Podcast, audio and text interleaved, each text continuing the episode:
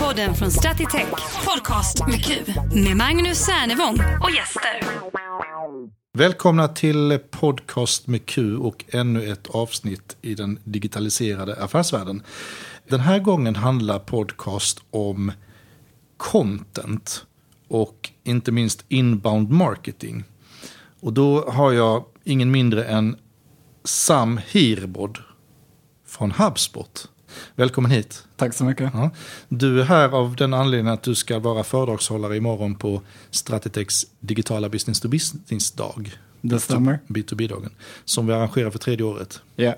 Och då har du en, en, en agendapunkt här som heter The Future of Content. Ja. Yeah.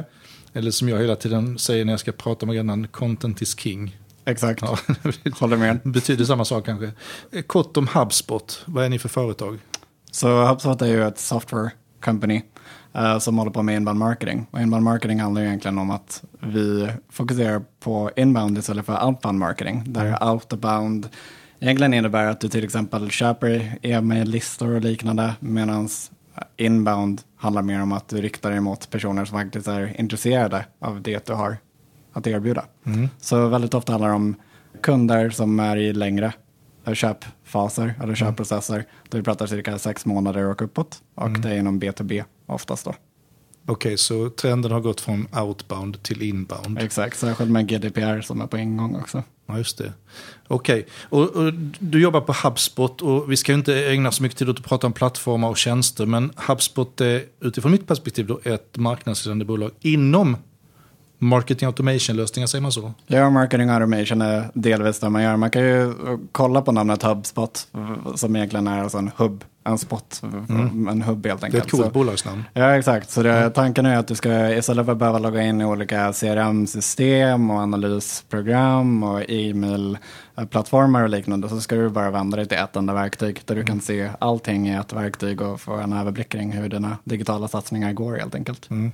Alltså ibland säger man integrated marketing, ibland mm. säger man eh, marketing automation, ibland säger man lead management. Mm. Om man skulle reda ut det här lite grann, vad, vad HubSpots primära lösningen handlar primärt om att automatisera marknadsföringen eller att generera leads? handlar, skulle jag säga, om att generera kvalitativa leads. Du, mm. du vill helt enkelt nå ut till leads som är intresserade av det du har att erbjuda. Sen ifall du automatiserar den processen eller inte, det är helt upp till dig. Mm. Men att få kvalitativa leads skulle jag säga är huvudsyftet. Mm. HubSpot är ett amerikanskt bolag? Ja, baserat i Cambridge, Massachusetts. Okej, okay. hur många anställda? Uh, vi är över 2000 anställda nu.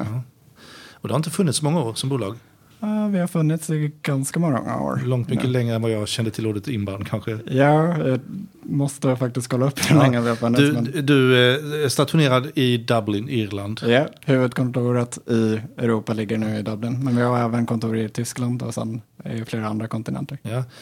Du pratade lite innan här om just Dublin. Det här verkar vara Silicon Valley för eh, det europeiska Silicon Valley. Ja, ja. med lite sämre väder. Ah, okay. alla techbolag finns ju baserade i Dublin, så Google, Facebook, alla vi sitter väldigt nära varandra.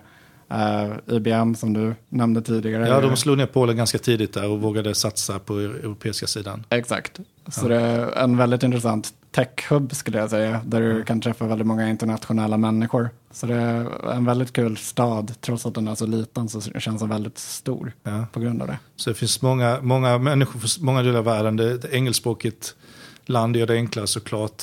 Eh, det är också halva bolagsskatten. Ja, det är det, det som är det enkla, enkla svaret. 12,5 procent. Ja, det är lite lägre skatt men också för att det är så internationellt. Det är ju lägre än eh, Sverige. Flygresan är också kortare än till ja, Sverige. Ja. Så det är ju lite kul. Ja. Uh, och sen så har vi väldigt många, det finns otroligt många från Skandinavien då. Som finns i Dublin och, och liksom tyskar och, och, från Nederländerna och allting också. Uh, själva nivån uh, inom tech Ja. Kunskaper är ganska hög också. Din titel är inbound-strateg för byråer. Yeah. Och du är också expert inom inbound marketing och affärskonsulting.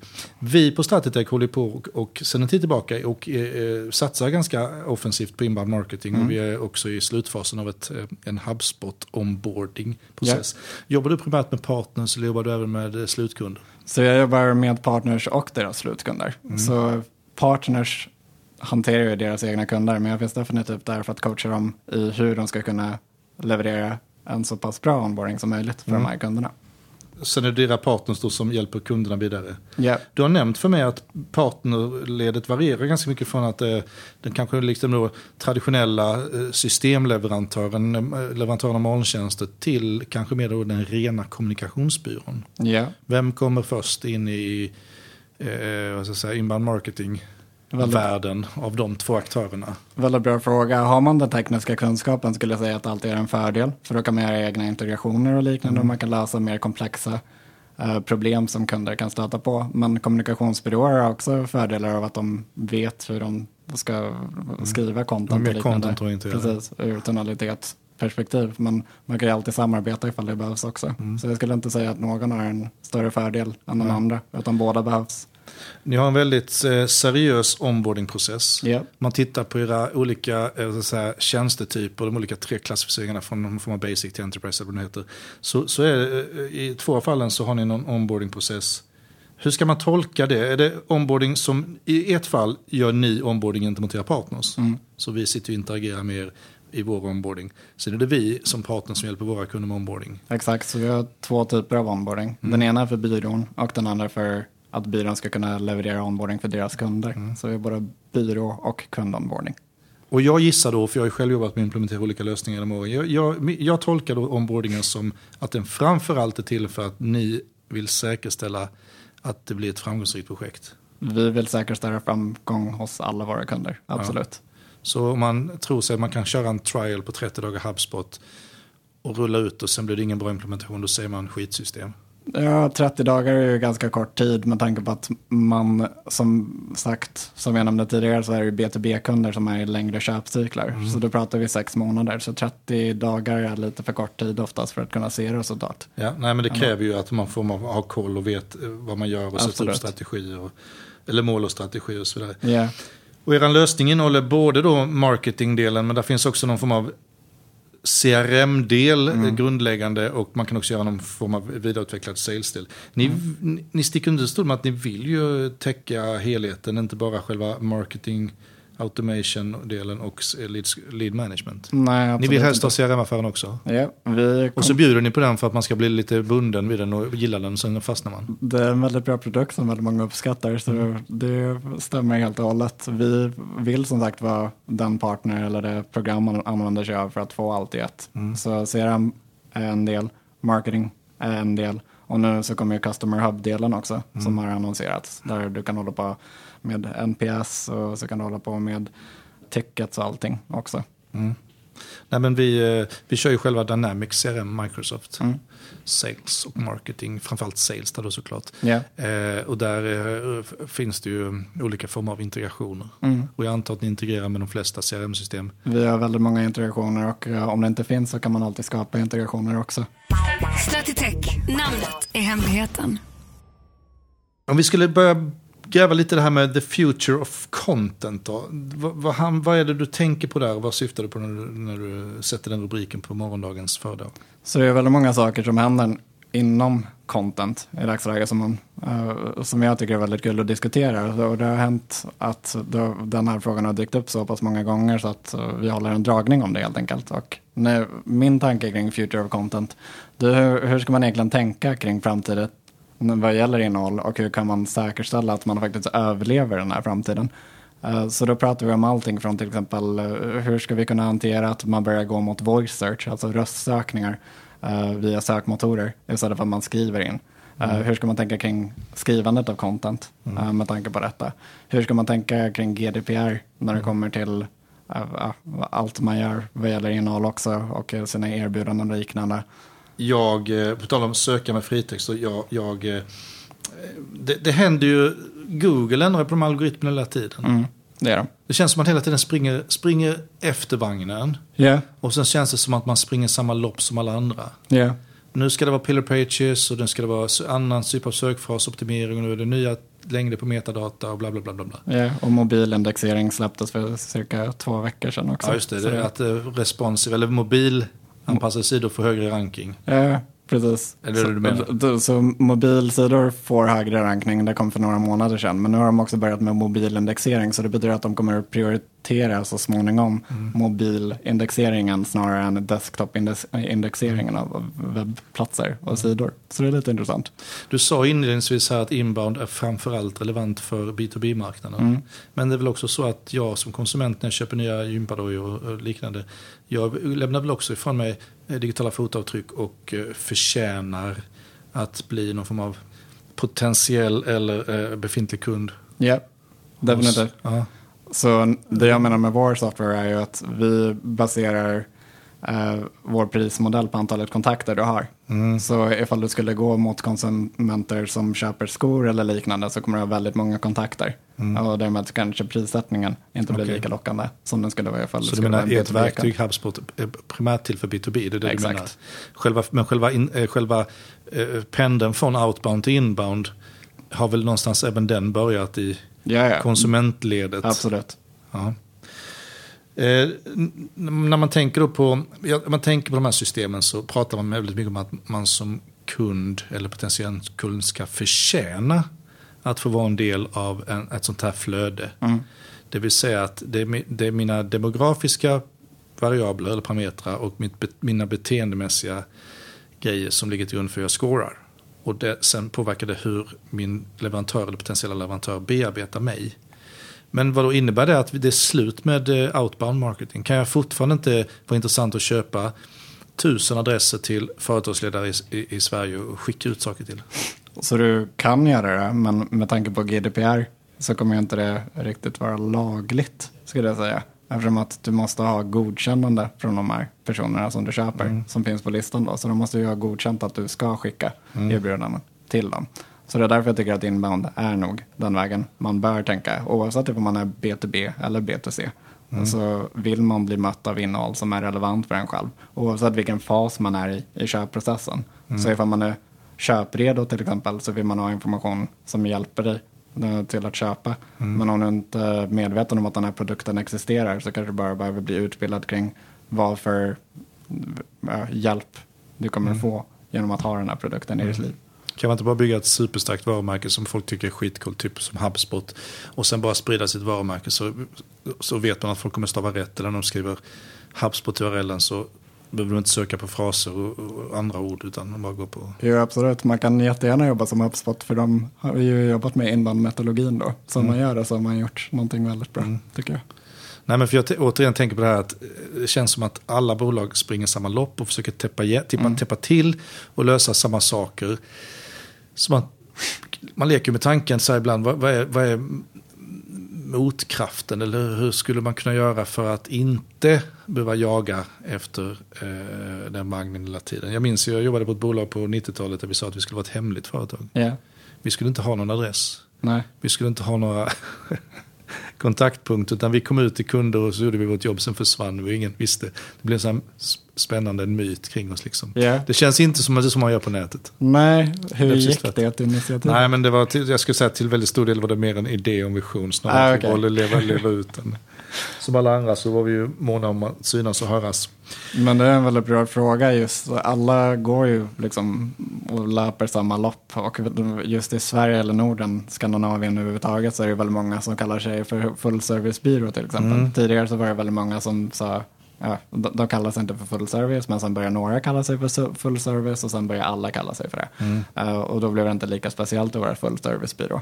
Så det är därför det har börjat falla ner lite på vem är egentligen målgruppen som du vill nå till? Och hur kan du sticka ut just för dem? Så individualism har blivit lite mer uh, the keyword som man kanske måste ha i åtanke när man jobbar som företag eller byrå eller vad man nu jobbar som för att nå ut till sina nya kunder helt enkelt. Det räcker inte med att vara en i mängden utan du måste kunna hjälpa dem med deras specifika behov.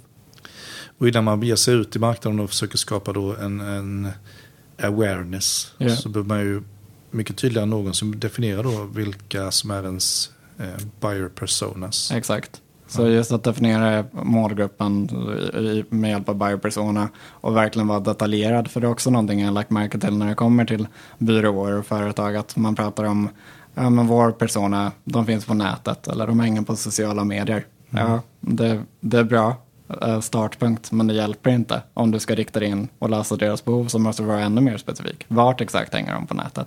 Eh, vilka sociala medier? Om de finns på LinkedIn, vilka följer de på LinkedIn? Eh, finns det några influencers som du skulle kunna samarbeta? Alla de här grejerna, man måste helt enkelt gräva lite djupare. Eh, det räcker inte med att säga att man är full servicebyrå eller att man hänger på nätet och vad gäller kunder längre. Och ni rekommenderar ju även vi att man ska inte skapa buyer personas för alla sina eh, målgruppspersoner som man vanligtvis jobbar med. Man ska välja ut ett fåtal Mm, och, och gå på dem först. Ja, Och det är ganska detaljerade grejer man kommer in på här. Man kommer in på liksom så här, eh, man spekulerar i och man frågar förhoppningsvis också ett antal kunder. Eh, vad är det för preferenser den här typen av människor har? Hur bor de? Hur lever de? Vilken bil kör de? Eh, det, det, det, någonstans börjar buyer personas kring det där. Och man beskriver ganska detaljerat. Och jag antar då att det är för att man sen när man kommunicerar med dem ska kunna prata deras språk eller prata på ett sätt så det blir aptitligt för dem. exakt. Och dyka upp i rätt sammanhang. Ja, du vill bli så detaljerad som möjligt och det är därför vi ställer de här väldigt detaljerade frågorna för att vi vill se till att man som eh, inbound-byrå eller inbound-kund verkligen har koll på vilka det är man når ut till så man kan hitta eh, rätt tonalitet i sitt budskap helt enkelt. För annars så blir man för generell och de kommer helt enkelt inte kolla på den där bloggposten eller den där det där e-postutskicket du spenderar flertalet timmar på. Så det är massa tid som går till spillo för dig som inte har fokuserat tillräckligt på er. Men när vi, när vi då, med vårt fall jobbat med marknadschefer, säljchefer och Mm. CIOs eller IT-chefer. Då har vi tyckt att vi har varit jättespecifika när vi har sagt att eh, marknadschefen är, den typiska marknadschefen i bäst, eh, bästa fallet är 35 till 50 år gammal, det är en kvinna, hon bor i en lägenhet, etc. etc. Ja. Och så har ni liksom, eller så här, kommit sagt så här, vilken bil kör hon? Vi bara så här, men herregud, vi har aldrig varit så specifika som vi är just nu. Nu ska vi Nej. typ sälja, säga bilmärket också. Ja, många mil hon kör varje månad. ja. Så ju mer du vet desto bättre kommer du rikta in ditt Mm. budskap till henne och hjälpa just hennes behov. Men det är ju så med både by personas och lead scoring och allt det där. Att ma- man behöver ju inte heller göra den fulländade setupen direkt. Det handlar ju om att fine-tuna hela tiden. Ja. För jag känner att det finns en viss ångest när man ska definiera sina by personas. Att man, man vill göra allt rätt från början. Ja, och det kommer aldrig gå Nej. kan jag säga. Utan jag skulle spendera tid i början, fokusera på två stycken buyer personas som du skapar då. Och det är de som skulle ha störst impact på, på ditt företag eller på din byrå då. Eh, om du redan har existerande kunder, vilka är det som drar in mest intäkter? Det är de du vill skapa och basera buyer personas på. Om det är en nystartad byrå eller ett nytt företag så har du kanske inga kunder, då får du tänka ut vilka är det som du vill rikta in dig på och skapa två stycken buyer personas där. För varje buyer persona behöver egna kampanjer, eget innehåll och liknande. Och det är därför du inte skulle kunna skapa, eller du skulle kunna skapa tio buyer personas, men det skulle ta väldigt mycket tid och energi för dig att skapa individuella kampanjer och innehåll för varje persona. Men man klär på dem sen successivt. Eller Ja, det ändå, sen att man ändå har olika fokus under olika kvartal eller halvår. Men Ja. jag antar att man sen längs vägen riggar de buyer personas som man jobbar med totalt sett. Ja, så säg att, du, fokusera på olika. säg att du skapat alla de här buyer personasen och sen så löper det sex månader. Nu kommer du kunna utvärdera, okej, de här leadsen som vi har dragit in, har de varit av bra kvalitet eller inte bra kvalitet? Vilka var egentligen som genererar mest intäkter för företaget? Okej, det, var, det var helt rätt. Vi var ute rätt och nu kan vi intervjua dem och skapa ännu mer detaljerad bild kring dem. Eller så lägger du märke till att äh, det var inte riktigt det vi tänkte oss, utan det var några andra som drog in intäkter åt oss. Det är de vi ska fokusera på, det är de vi ska skapa nya buyer personas åt. Så man tar det bara steg för steg. Och det är en löpande process, det tar aldrig slut. Nej. Och när vi vet vilka människor är som vi ska göra affärer med och deras eh, personlighet och preferens och beteende och så vidare. Då ska vi sätta upp kundresan. Customer journey. Ja, Och det är en kundresa för varje persona ja vanligtvis. exakt. Och då får du berätta de här stegen från awareness och framåt. Ja, så det är awareness, consideration, decision och eh, så har du man skulle också kunna prata om attract, convert, close och delight som jag brukar prata om. Ja, men delight brukar jag också höra. Ja, men det, det, okej, det var inte ett fjärde steg utan du tog en variant där. Ja, du- man kan gräva in på det, så du har ju två stycken varianter. Den detaljerade varianten är attract, convert, close och delight. Eh, och attract handlar om att du ska dra in de här främlingarna som du inte riktigt känner igen till din webbplats till exempel. Eh, och sen attract, convert, steget då, convert, handlar om att du ska stänga in dem och göra dem till leads så att du vet vilka det är som har varit in på din sajt. Du ska alltså erbjuda dem någonting som de tycker är intressant. Så först så kom de till din sida när de sökte efter någonting relevant. Eh, De kanske hittade någonting som du hade svarat på. Och sen så, ja, du har en e-bok eller du har något erbjudande som hjälper dem i nästa steg. Så då har du attacked, convert och sen har du close också. Okej, så då gäller det att du stänger dem. De blir alltså kunder till dig. Hur blir de det? Jo, du förklarar för dem vilka som finns i industrin, varför ni är experterna, var, varför man ska välja just er. Och sen så har ni då delight, och det är då de är promoters. De ska prata gott om dig med word of mouth och rekommendera andra till er. För resan tar inte bara slut för att ni har vunnit en kund, utan det är då resan egentligen börjar. Mer försäljning och glada kunder. Det, det är ju det som gör att man får in jättemycket intäkter för företag. Och det är just därför vi har utvecklat Customer Hub som kommer att lanseras i slutet av året då. Okej. För att ta hand om era existerande kunder. Jag som precis har lärt mig eh, attract, at, at, awareness, Ja, consideration, decision. ja. Nu lägger du på ett nytt lager här. Ja, så det är själva djupdykningen. Uh, en sekund så kan jag visa den här. Så det är ju den övre delen där. Ja, jag ser en bild där framför mig nu. Attract, convert, close och delight. Ja, Och under där finns det strangers, visitors, leads, contributors. Nej, customers. ja. Och nu försvinner färgen på din skärm eller Jag kan- ljuset. jag kan Promoters va? Ja, exakt. Så Men du, jag, tänker på, jag tänker på kundresan här. Då ska jag visa en bild för dig här då. Jag, Ja. Man tar den här gamla klassiska kundlivscykeln. ja, Där man pratar om rekrytera, utveckla, behålla, återvinna. ja. Det känns som att alla de här tre grejerna försöker lösa samma sak fast de kommer inte riktigt, de täcker inte upp helt för varandra. Eller?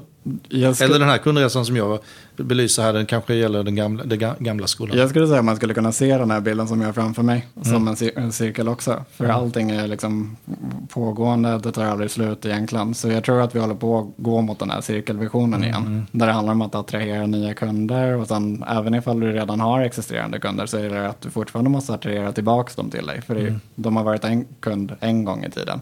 Men hur får du dem att bli det igen? Hur ska de ha dig i åtanke och hur ska de kunna ge word of mouth för andra så att de hittar till dig också till exempel. Ja. 360-tänket eh, är med även i det perspektivet. Vad är det som, vad är det som triggar då? Om man tänker då, kan- vi hålla oss på, då kan vi prata awareness, consideration och decision. Ja, För att vi ska kunna prata samma språk. Yeah.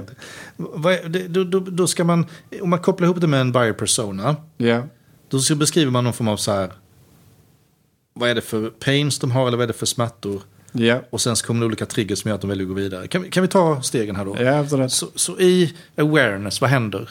Så i awareness så kan vi nästan låtsas att vi är läkare då. Och vi har patienter som uttrycker en symptom. De vet inte riktigt vad för problem de har. Men de behöver identifiera att det är just ett problem de har.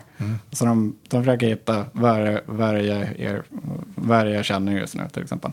Så i awareness stage då gäller det att du har awareness-innehåll. Bloggposter, landing pages, erbjudanden, allt som har med just de här symptomen att göra till exempel. Exempelvis, hur vet jag att jag är effektiv på jobbet? Sådana frågor. Det ska du vara. Det var ganska långt ifrån läkare och doktorsfall. Ja, men vi, vi låtsas att vi är läkare. Okej, så hur vet jag att jag... Nej, det, Det kändes mer som att du skulle prata utifrån ett patientperspektiv. Nej, Jag det, det skulle benet. vara, ja, precis. Jag, så här, jag har en konstig känsla i benet till exempel. Vad skulle det kunna vara? Och då skulle du kunna få en checklista på, det här är tio stycken symptom på varför du kan ha ont i benet. Okej? Nu vet du att du har ont i benet och du vet exakt vad för smärta det är. Ja, men du har någonting konstigt med knät där som gör ont.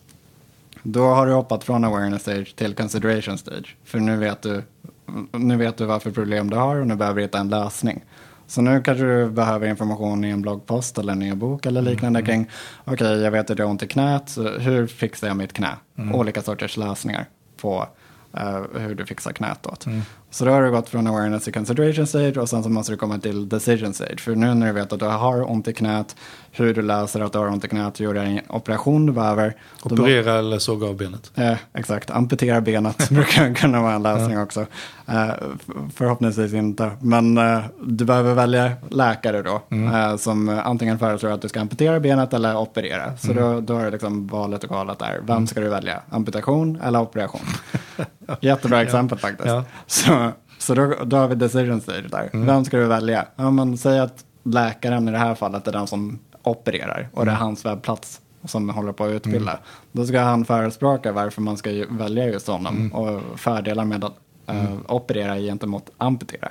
Så då, då har du klarat decision stage också. Eh, och sen efter det så tar det inte slut, att de vill ju att han ska vara en jätteglad kund. Mot, så mot fortsatt bra och förebygga fortsatt eh, problem. precis. Men Så här är då- det lite intressant för att det är ju på sätt, sätt, sätt och vis samma läkare då, eller klinik som gör sig synlig i alla tre faserna. Ja. Men när du då, när du då googlar eh, och, och säger att du har smärta i benet Mm. och du kommer in på de här lite mer övergripande, vad kan det vara, vad har andra känt? Då, då kan det vara samma klinik som avsändare fast de sänder inte ut det så mycket utifrån sitt brand. Nej, exakt. Så det är egentligen i decision stage som du kan börja prata om ditt eget varumärke. Helst så skippar du ditt varumärke. Inte consideration.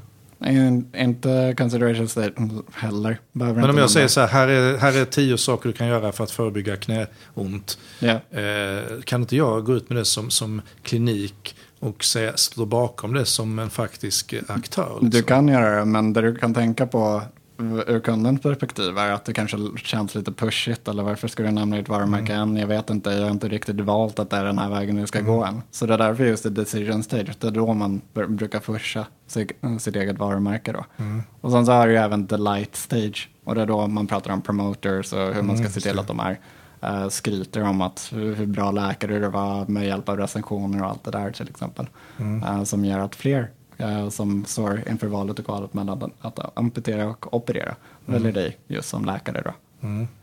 Ja, och här förstår man ju att det är olika saker man måste optimera sin exempelvis sajt på. För Mm. att de olika stegen använder man olika fraser för att man ska hitta fram.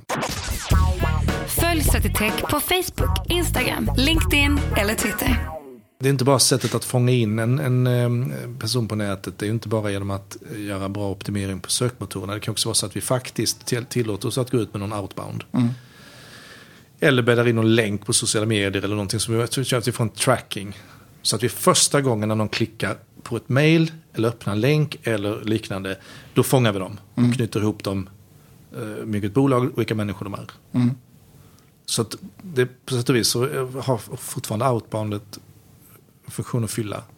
Det finns, väl, det finns ju fortfarande nyhetsbrev och eventinbjudningar. Och, Ja, men ofta så signar man ju upp sig för de här nyhetsbreven Mm. eller eventbreven. Och då brukar det vara mer inbound då eftersom att man har signat upp sig. Så Mm. det skulle mer vara ifall man har köpt en lista och sen skickar nyhetsbrev till dem. Mm. Som det skulle kallas för outbound. Så jag tror att det är mer definitionsfrågan där. Men det är ju så, antingen så måste personen ge sig till känna själv Ja. genom att de gör någon registrering. Ja. Minst sin mailadress kan man ju säga då för Exakt. unik. Eller så måste vi ha fått adressen, vi skickar ut någonting, eller Ja. vi, se, vi har en, en unik länk så vi vet att om någon klickar på den så vet vi att det är Kalle, Kalle Persson på det bolaget. Och sen vet vi, sen allt den han gör eh, kan vi spåra från det första klicket. Men du säger då att det är inte det bra sättet att få koll på personen genom att vi får ett klick på ett outbound. Utan det är snarare Nej. så. Vi gör så att personen kan söka och sen så reggar den sig. Exakt. Så inbound handlar ju som sagt om att få kvalitativa leads. Så ifall du bara skulle skicka ett mail eller liknande till en person som har klickat på en länk till dig utan att ge godkännande kring att du ska skicka mer information och liknande, då riskerar du till och med att hamna i deras spam-folder.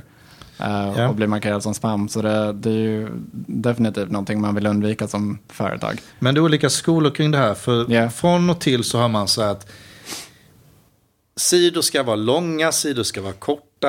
Man hör till och från att man ska kräva registrering, man ska inte kräva registrering.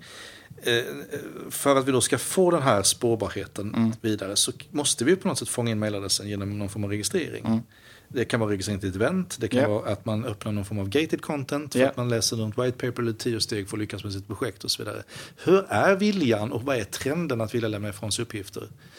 För här handlar det om att man köper information med sin information. Eller vad man säga? Valutan är information, valutan valuta är är- personlig integritet. Exakt. Det är ju och det är därför GDPR kommer in Mm. i kraft och liknande. Och jag själv jobbar med byråer över Europa då, så Mm. kan man ju se att det skiljer sig mellan länderna helt enkelt. Svenskar och i Norden generellt sett brukar man ju inte vara så villig att ge sin mailadress eller eh, personliga information Mm. såvida det inte är någonting man verkligen är intresserad av.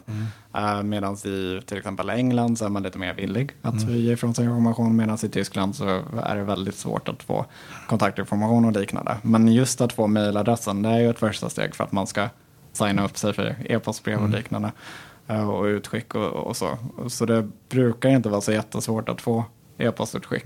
Tidigare så var det svårt. Men, men nu så är det inte lika svårt. Men däremot så börjar trenden gå mot att man har ungated content. Så man har ens inte formulär eller liknande. Och det är någonting som jag pratar om. Ungated content. Ja, exakt.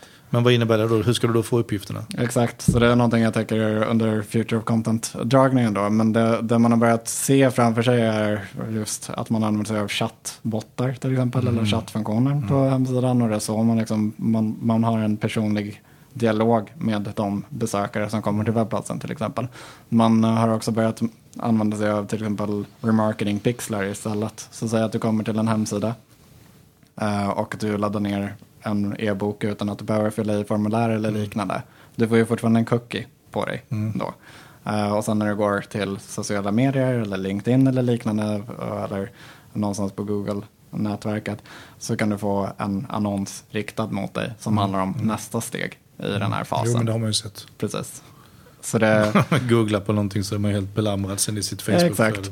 Så om du skulle bli belamrad med någonting relevant som faktiskt är nästa steget i din köpprocess då, så skulle det här kanske funka just för dig. Så det här är någonting som man börjat testa allt mer. Att man helt enkelt inte har formulär eller så, utan man använder sig av eh, remarketing pixlar eller chattbottar och så istället. Jag tycker det här är lite så här eh, tveeggat det här. Ena sidan så, så upplever jag ett värde av att vi kallar det nätet då, hjälper mig att rationalisera min vardag. Att det lär sig vad jag söker på, att det lär sig vilka produkter jag tycker mer om än andra. Eh, det, är det, är det bra. Baksidan är att eh, min integritet påverkas. Ja, Och, då, och samtidigt så pratar vissa människor om filterbubblor och säger så här att ja, med all respekt för att nätet hjälper mig att bara visa det som är relevant så stänger jag ut, också ut en del av världen som jag kanske skulle behöva hämta intryck från också. ja, Så det är en jättespeciell balansgång. Liksom. Jag, jag har två dagar i rad, senast igår, fått samtal, det här är jättekonstigt, från riktigt amatörmässiga telemarketingbyråer. Mm. Eh, jätteskränigt i bakgrunden, riktiga amatörer utifrån sina samtalsmanus som har ringt upp mig och sagt att jag har klickat på någonting gällande placeringar och investeringar. Och eh, jag frågade då var har jag klickat någonstans? Och i, båda de här fallen så kunde de bara se mitt namn och att jag hade interagerat med någonting. Men de kunde inte säga källan, vilket Nej. jag tyckte var oerhört icke trovärdigt. För de hade fått ut en lista där det stod så här. Ja, Magnus Sennevång eh, på det här mobilnumret har klickat på någonting som är relaterat Mm. någon form av finansiell placering. Och jag valde ju att inte lyssna överhuvudtaget på erbjudandet. Framförallt för att jag inte ansåg att jag hade visat intresse för det på nätet. Sen så kändes allt annat också väldigt oseriöst. Jag blev väldigt irriterad, jag såg till att avsluta samtalet ganska fort. Så ringde de igår igen och jag vill påstå att det var samma telemarketingbolag. Eh, För det var exakt samma tonläge och samma manus. Men de hade inte koll på att de redan hade pratat med mig. Och då är det så här klassiska Ja, men du måste lyssna på erbjudandet. Alla säger att de inte är intresserade. Vi har, har säker avkastning. Men inte intresserad. Ja, men så säger alla. Låt mig prata till punkt och sådär. Och det här är ju, det här tycker jag är när man missbrukar de digitala fotavtrycken. Jag vill kunna titta på ett YouTube-klipp. Jag vill kunna gå in på någons LinkedIn-profil om det är en företagssida. Utan att jag dagen efter blir muntligt kontaktad. Är det bristande lead scoring här då? Eller är det snarare så att det är eh, att man inte har satt upp eh, bra arbetsformer för en, en säljorganisation? Jag skulle säga att exemplet som du gav låter ju ganska outbandaktigt egentligen. Att de bara ringer upp och inte riktigt ger information kring varför de ringer upp eller liknande. Varför skulle du ens vara intresserad av att prata med dem och så. Skulle det varit en inbound-metodik så skulle de mer pratat om att de visste att hej, du, vi såg att du har laddat ner just den här grejen. Vi har hjälpt andra att hantera problem och lösningar. En värdedialog Ja, direkt. precis. liksom. Inom X och Y och Z. Skulle du vilja prata mer om det här så kan vi jättegärna prata om det. Det skulle mer vara ett inbound approach. Eh, så det handlar ju helt enkelt om att verkligen lära känna din buyer persona och kunna detaljerna. Men hur många gånger blir man, alltså jag har ju själv jobbat mycket med försäljning och säkert även du. Jag menar det är ganska lätt att göra en pitch om man gör en kort research. Och ringa och trampa någon på ömma tår och därmed få ett lyssnande. Men hur många gånger upplever jag själv, framförallt när jag vill bli bearbetad som konsument, upplever jag att folk verkligen har läst på mig. Inte ofta. Eller lärt känna mig. De frågar ju aldrig om det som jag har top of mind. Nej. Och hade de kommit in mitt på tallriken med ett sånt erbjudande så hade jag lyssnat. Exakt. Så det är ganska intressant att säga så här, jag interagerar med något på nätet, det dri- driver fram ett outbound marketingbeteende från dem. De har ingen aning mer än vad jag heter och sen går de på mig med sina erbjudanden. Ja, riktigt störigt. Vi har kommit från Customer Journeys, vi talar nu lite om lead scoring. Nu ska vi betygsätta, poängsätta utifrån demografi och beteende. Mm. Ska vi reda ut det också? Ja. Vad är det som skapar poäng och hur ska man... Det, allting, ut, väl- allting ska väl gå ut på att man ska sålla bort det som är ointressant. Eh, antingen helt Ja. och hållet eller det ska få ligga och puttra någonstans i botten. Ja. Och sen ska vi driva fram det som är intressant för att vi ska göra någonting som faktiskt då kanske är en säljaktivitet. Exakt. Så berätta lite om scoring och, och vad det består av. Så det handlar ju återigen om att du verkligen ska veta vad är en buyer persona just för ert företag och vilka eh, actions är det som de övertar på exempelvis din hemsida eller liknande för, för att de ska bli relevanta för dina säljare. När ska marknadsföringsavdelningen ge säljavdelningen eh, en lead helt enkelt. Så vi har ju delat upp det i olika kvalificeringar när det kommer till leads. Du har marketing qualified leads som är att du vet att marknadsföringsavdelningen kan eh, bearbeta dem med hjälp av fler marknadsföringskampanjer och liknande. De vet att de är intresserade. Och sen när de har tagit vissa actions som är definitivt köp, eh, som definitivt visar köpintresse så passerar de säljavdelningen. Och sen med hjälp av lead scoring och genom att poängsätta till exempel olika typer av content du har eller, eller olika sidor som de har besökt på din sida, kontakta oss till exempel, eh, så kommer ju alla de här olika sidorna och innehållet då ge olika poäng.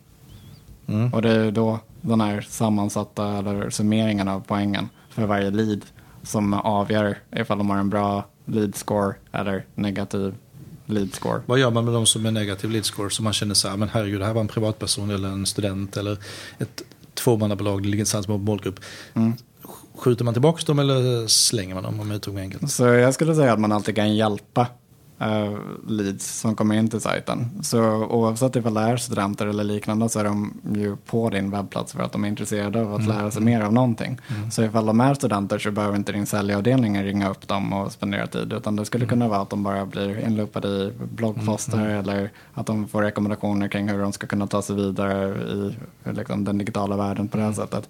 Om det skulle visa sig att det var en kund som inte är relevant nu men kanske i framtiden skulle de vara relevanta. Så vi kan fortfarande nurtura dem eller vi kan fortfarande Exakt. ha kvar dem i vårt lead lead-system och Ja. låta dem kunna interagera med vår information. Ja. Vi blockar ju inte dem eller stänger ute dem för att vi tycker att de idag är inte potentiell kund. Precis, så då, låt dem mogna i sin egen grad och tid och sen när de är tillräckligt mogna, om de blir det, så är det ju bara att de hojtar till igen och de kommer ju uppskatta den hjälp de får och kanske word of mouth till andra som skulle vara intressanta kunder istället då.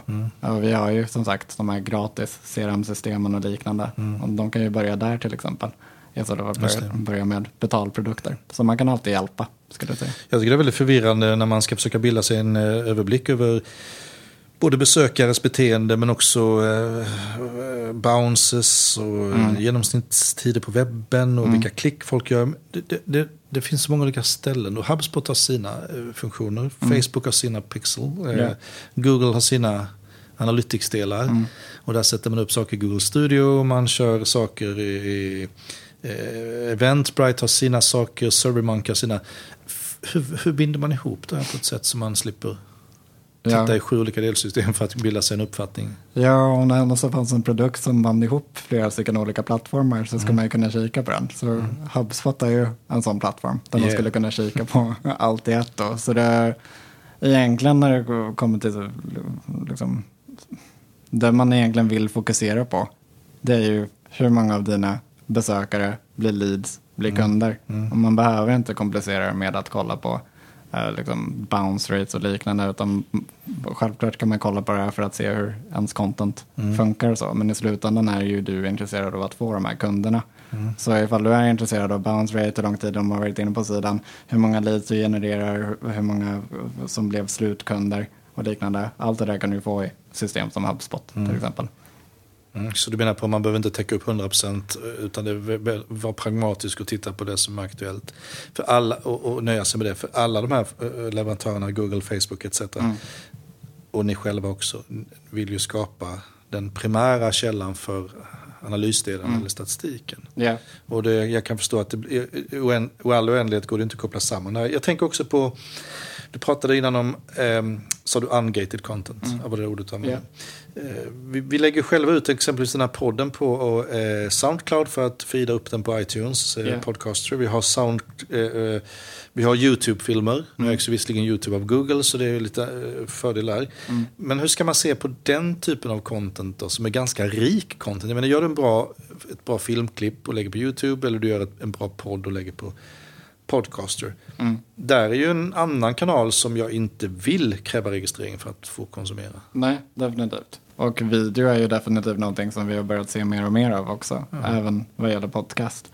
Så jag tycker det är helt rätt att man ska finnas i de plattformar där din buyer persona finns helt enkelt. Så om ni tycker att YouTube är ett ställe där er buyer persona hänger så är det jättebra att ni finns på YouTube. Men om jag då har lagt ut tre klipp på YouTube eller Vimeo eller vad jag har lagt det. Och yeah. så säger jag till, så säger jag så att det här är ju riktigt bra content för eh, den här buyer personas i den här eh, consideration-fasen.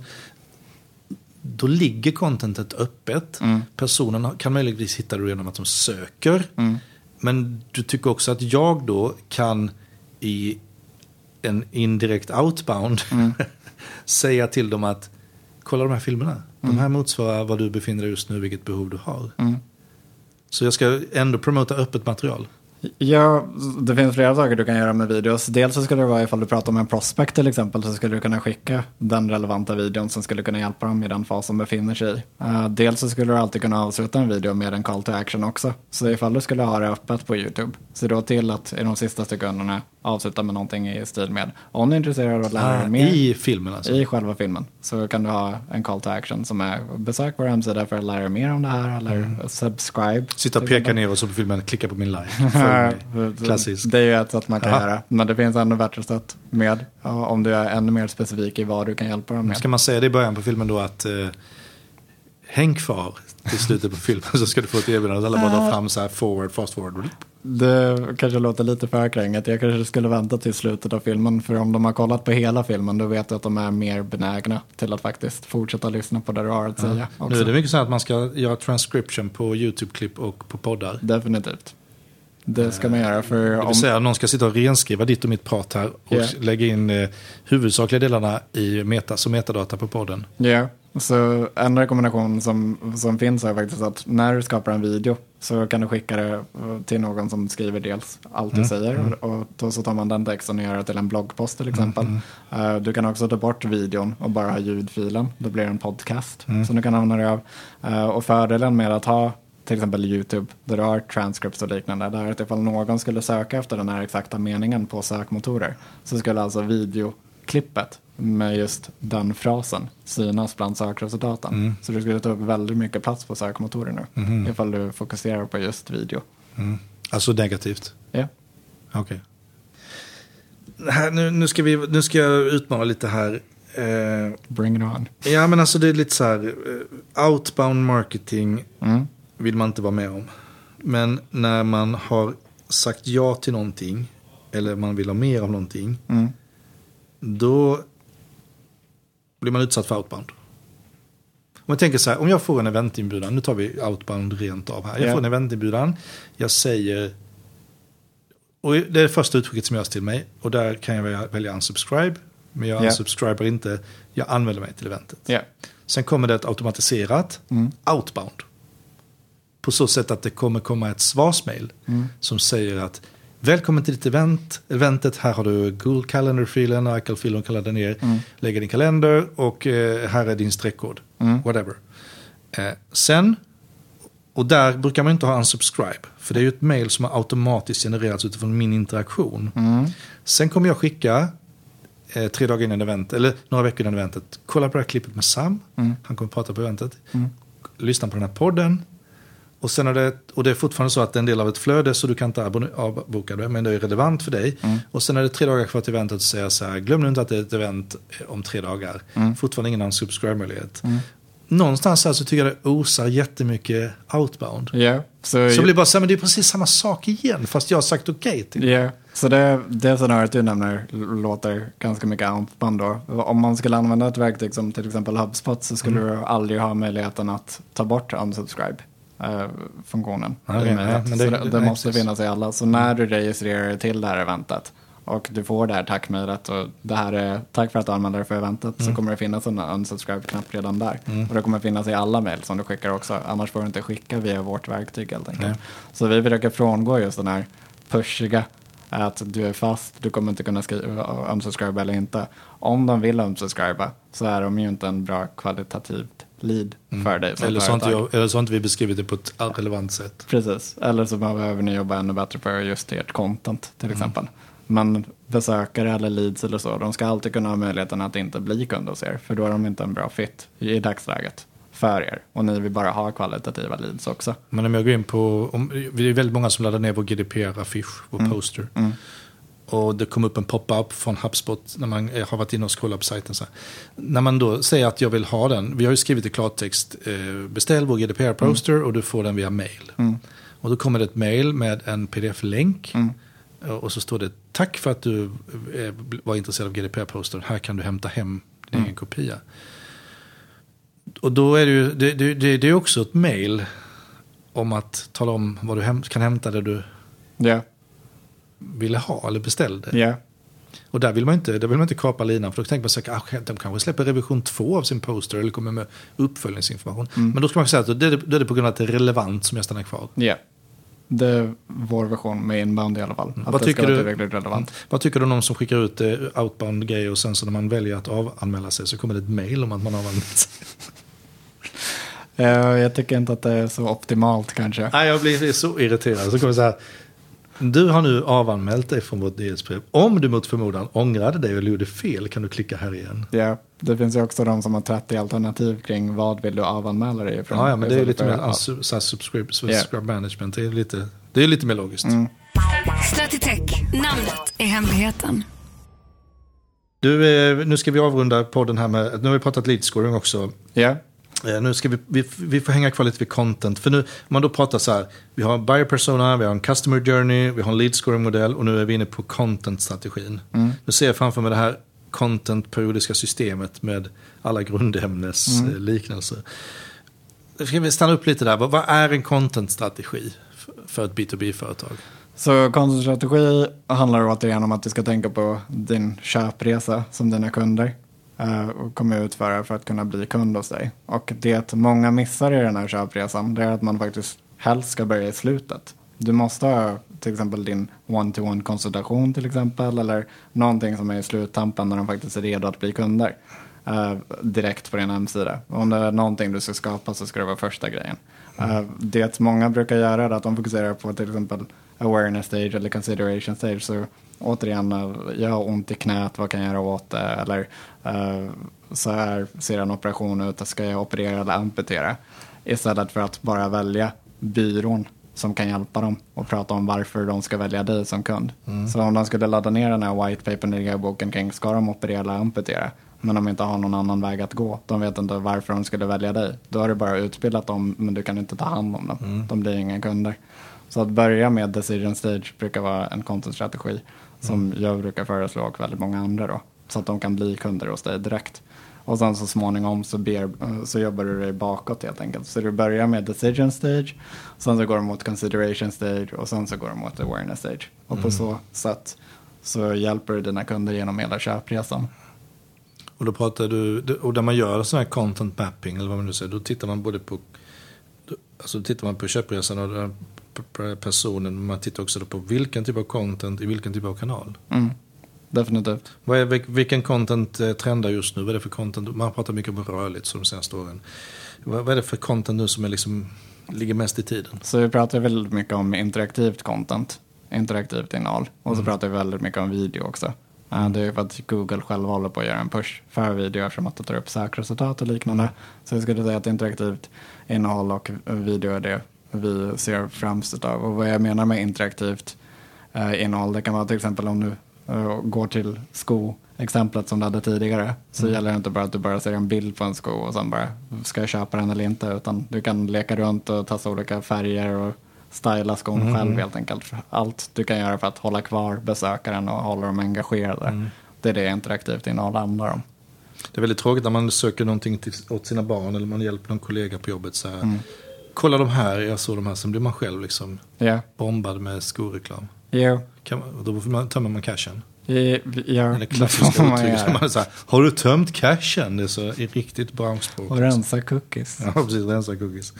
Ja, det, är det, det att producera content är ju, det är ju ganska, kräver ganska mycket jobb. Mm, Och det är väl därför det finns dedikerade, dedicerade contentbyråer. definitivt. Men det är alltså ett stort jobb. Det, dels vill man väl, det är inte bara marknadsavdelningen som kan producera content. eh, Och sen kan ju content vara av det här, en ganska så här dignitet, ett, ett fylligt dokument eller en powerpoint eller en, en infographic. Mm. Till att det kan bara vara egentligen något, något klokt man säger på en blogg eller Ja. kör ut i sociala medier. Ja. Hur ska man kunna hantera contentproduktionen om man är ett företag som har fullt upp med sitt eget? Och det är inte bara att säga så här, men då köper vi en contentbyrå på stan. Nej, Du måste hitta någon form av redaktionellt sätt att...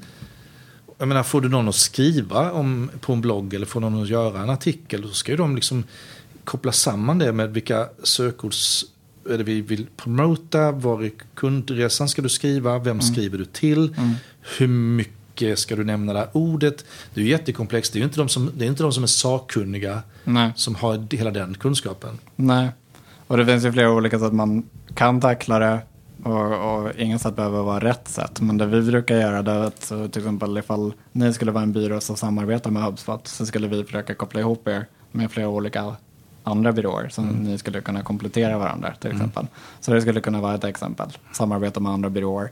Eh, för det gäller ju egentligen att hitta de contentföretag som verkligen förstår sig på er perfekta kund och kan rikta in erbjudanden till dem. Det räcker inte med att man har varit i contentbranschen i 25 år och har ett bra rykte utan man måste faktiskt veta hur ska man ut till just er specifika kund, alltså er buyer persona och se till att man kan hjälpa dem i varje fas den här buyer personan befinner sig i. Så då pratar vi återigen om awareness stage, consideration stage och decision stage. Så flera byråer brukar till exempel testa dem. Hur tänker ni kring köpresan? Vad för sorts innehåll ser ni här? Hur ska vi kunna få dem att välja just oss? Och sen baserat på det eh, så tar man sig framåt. Så, Rekom rekommenderar du, om man till exempel då tar hjälp utifrån att göra eh, en bloggserie. Det måste ju då dels vara en tonalitet som motsvarar ens eh, varumärkesstrategiplattform. Mm. Och det måste ju också vara, vara ett innehåll som man på något sätt kan svara upp till när kunden visar sitt intresse och vill veta mer. Är det bra att jobba med spökskrivare eller inte? Om jag köper in en byrå som skriver eh, 12 bloggartiklar, då vill jag inte ha dem som avsändare och dem på avatarbilden. Nej, definitivt inte. Ska jag säga till någon i kollegaorganisationen så du eh, Peter, du kan väl eh, vara den som skriver det här och så säger Peter, men jag kan ju inte allt det där. Nej. Nej, så det, återigen så måste ju den här personen ha blivit testad. Man måste veta att de kan skriva och rikta in sig på din målgrupp helt enkelt. Eh, och ifall det är en spökskrivare, Det låter ju otroligt gammaldags. Jag är Ja. ju för det här snabb information, snabba klipp, kort livslängd, eh, superfragmenterat visserligen, men bom, bom, bom, bom, ut istället för att man ska ha någon någon copywriter som sitter och gör intervjuer, skriver långa artiklar. Nu vet jag att det var 700 tecken och vad man ska ha som optimalt. Och sen så ska det korrekturläsas och så ska det läggas ut med en egen avatar. Alltså, äh, personligen känner jag så här, fan det här höll vi på med på 80-90-talet. Ja. Så Eller? spökskrivare skulle jag säga inte är så vanligt bland de byråer som jag jobbar med. Utan det brukar oftast vara att man antingen eh, hyr in en konsult som jobbar under ens eget namn då, eh, företagsnamnet. Eller så anställer man någon eller så samarbetar man med en byrå. Uh, spökskriveri, nej, inte lika. Men är det kanske bättre att man skriver relevanta saker och kanske gör det lite mer ofta då än att det är så enormt glossy och genomarbetat och välskrivet som att man tror man ska trycka en bok. Ja, som jag nämnde tidigare så voice search är någonting som har bl- blivit allt mer förekommande nu. Och voice search går ut på att du har ett vardagsspråk i din text. Och det betyder att du kanske inte behöver spendera 24 timmar på en bloggpost längre. Nej, utan du precis. kan spendera en halvtimme ifall det är tillräckligt bra. Och du kan prata så som vi gör just nu. Och då så bloggen skrivs utifrån vårt Ja. prat. Ja, så Ja, bloggen, bloggen skrivs utifrån vårt prat eller i alla fall den tonalitet, alltså vardagsspråk, talspråk Ja, ja, ja. istället för skrivspråk när du skriver bloggposten. Så det gör ju att man inte behöver skriva eh, lika eh, eller spendera lika mycket tid på att texten ska vara perfekt Mm. eh, som den var tidigare. Däremot ifall du befinner dig i till exempel finansvärlden eller bankvärlden och så, då kanske du behöver ha en annan sorts tonalitet helt enkelt. Och behöver spendera mer tid. Så återigen så handlar det om din buyer persona. Men jag tror väldigt mycket på, jag tycker hela tiden, det som är den begränsande faktorn i den tempofyllda värld vi lever i, det är liksom två öron, det är två ögon och två händer, för tio fingrar som ska producera saker. Och allting måste passera genom allas hjärnor för att det ska kunna konsumeras och reflekteras kring. Det Så drar menar- bara ut på tiden. Ja men det är så, va? Ta bort alla människorna. Men alltså när bottarna gör sina funktioner Ja. och vi robotifierar mer och mer processer. Det är ju, den mänskliga faktorn ställer ju till hela tiden. Ja. Det är som en bromskloss mellan interaktionspunkt 1 och A. Att vi måste processa det i våra egna hjärnor. Mm. Om du vill nå ut till dina kunder och liknande så är rekommendationen att du ska blogga minst två bloggposter i veckan. Hålla på med sociala medier, till exempel Facebook kan du posta på fyra gånger om dagen och sen LinkedIn en gång om dagen och så. Om du skulle kunna ha, om du skulle ha hela den här processen med människor som måste utvärdera allting du skriver och se till att det är helt korrekt så kommer det sätta käppar i hjulet och det kommer bli svårt att kunna göra det här varje dag på löpande basis. Så jag tror att vi börjar gå mer och mer mot eh, det som inte innehåller att människor måste granska allting utan man litar på att man gör ett bra jobb helt enkelt och har kanske en person som verifierar att ja, men det ser korrekt ut och som publicerar och hjälper till att utbilda kunden. På tal om robotar, i helgen så fick min yngsta dotter en eh, Rubiks kub Speed. Ja, De är lite mer snabba och flyttar runt eh, färgklossarna på. Och då bestämde jag mig för att lösa den. Så jag, jag satt i stora delar helgen och lärde mig hur man löser en Rubiks kub. Och Ja. knäckte, knäckte den på 14 minuter. Eh, och nu kan jag lösa den igen faktiskt om du lägger fram den gamla eh, kuben. Men, men då såg jag också att de hade ställt upp en robot. ja, Som löste Rubiks kub på typ under en sekund. ja. Jag såg det videoklippet. Zup! Så är det bara så det löser. Man bara, Ja. ah, okej, det inser att nu kommer jag inte vara konkurrenskraftig längre. Nej, I något sammanhang liksom. precis. Helt underbart. Rubiks Världsrekordet för en människa är fem sekunder. Mm, Eh, 4.59 tror jag. mm. Den asiatisk kille som löser det. Zup! Han är till och med, alltså det ser helt underbart. Rubiks kubkonsult kanske är ett Ja, men jag känner att jag har kvalificerat in lite för den Rubiks Ja, kub-konsult. än så länge så kanske det funkar. Men... Jag lärde min dotter, vi hade bestämt att vi skulle, hon, hon, eh, att vi skulle liksom börja träna samtidigt. Men jag kunde inte låta bli. Nej, Så jag började träna när hon visste om det. Och sen så nu när hon märker att jag kan det så blir hon lite sur och vill inte lära sig. Bara för att hon tyckte jag kom först. liksom. ja. Så trist. Du, nu har jag en avslutande fråga här innan vi eh, stänger för dagen. Pillar page, Mm. kluster, ja, supermodernt. Absolut. Nu räcker det inte att ha en erbjudande eh, meny flik uppe på din webb och sen kommer det 17 olika delerbjudanden under. Nej, nu Och så, tar du, så är det inga sidor därefter liksom. Precis. Nu gäller det att du tänker dig kring vilket innehåll du vill synas på helt enkelt. Eller Mm. vilka fraser som är viktiga för dig som företag till exempel. Eh, Och skapar innehåll kring Mm. det. Alltså pillar pages som, som det heter då. Det handlar egentligen om att du väljer till exempel ett huvudområde eller en huvudsida då. Som Mm. ska få SEO-kraft från alla närliggande sidor. Så ifall du skulle vilja fokusera på inbound marketing Malmö till exempel som huvudfrasen. Det här vill ni verkligen satsa på, det här vill ni verkligen synas på. Då, då har ni inbound marketing eh, Malmö som eh, pillar page och sen runt omkring så har ni cluster pages som det kallas för, klustersidorna. Och där skulle alltså vara exempelvis hur kommer man igång eh, med inbound marketing Malmö, eh, bästa inbound marketing Malmö-företag, eh, pris inbound marketing Malmö.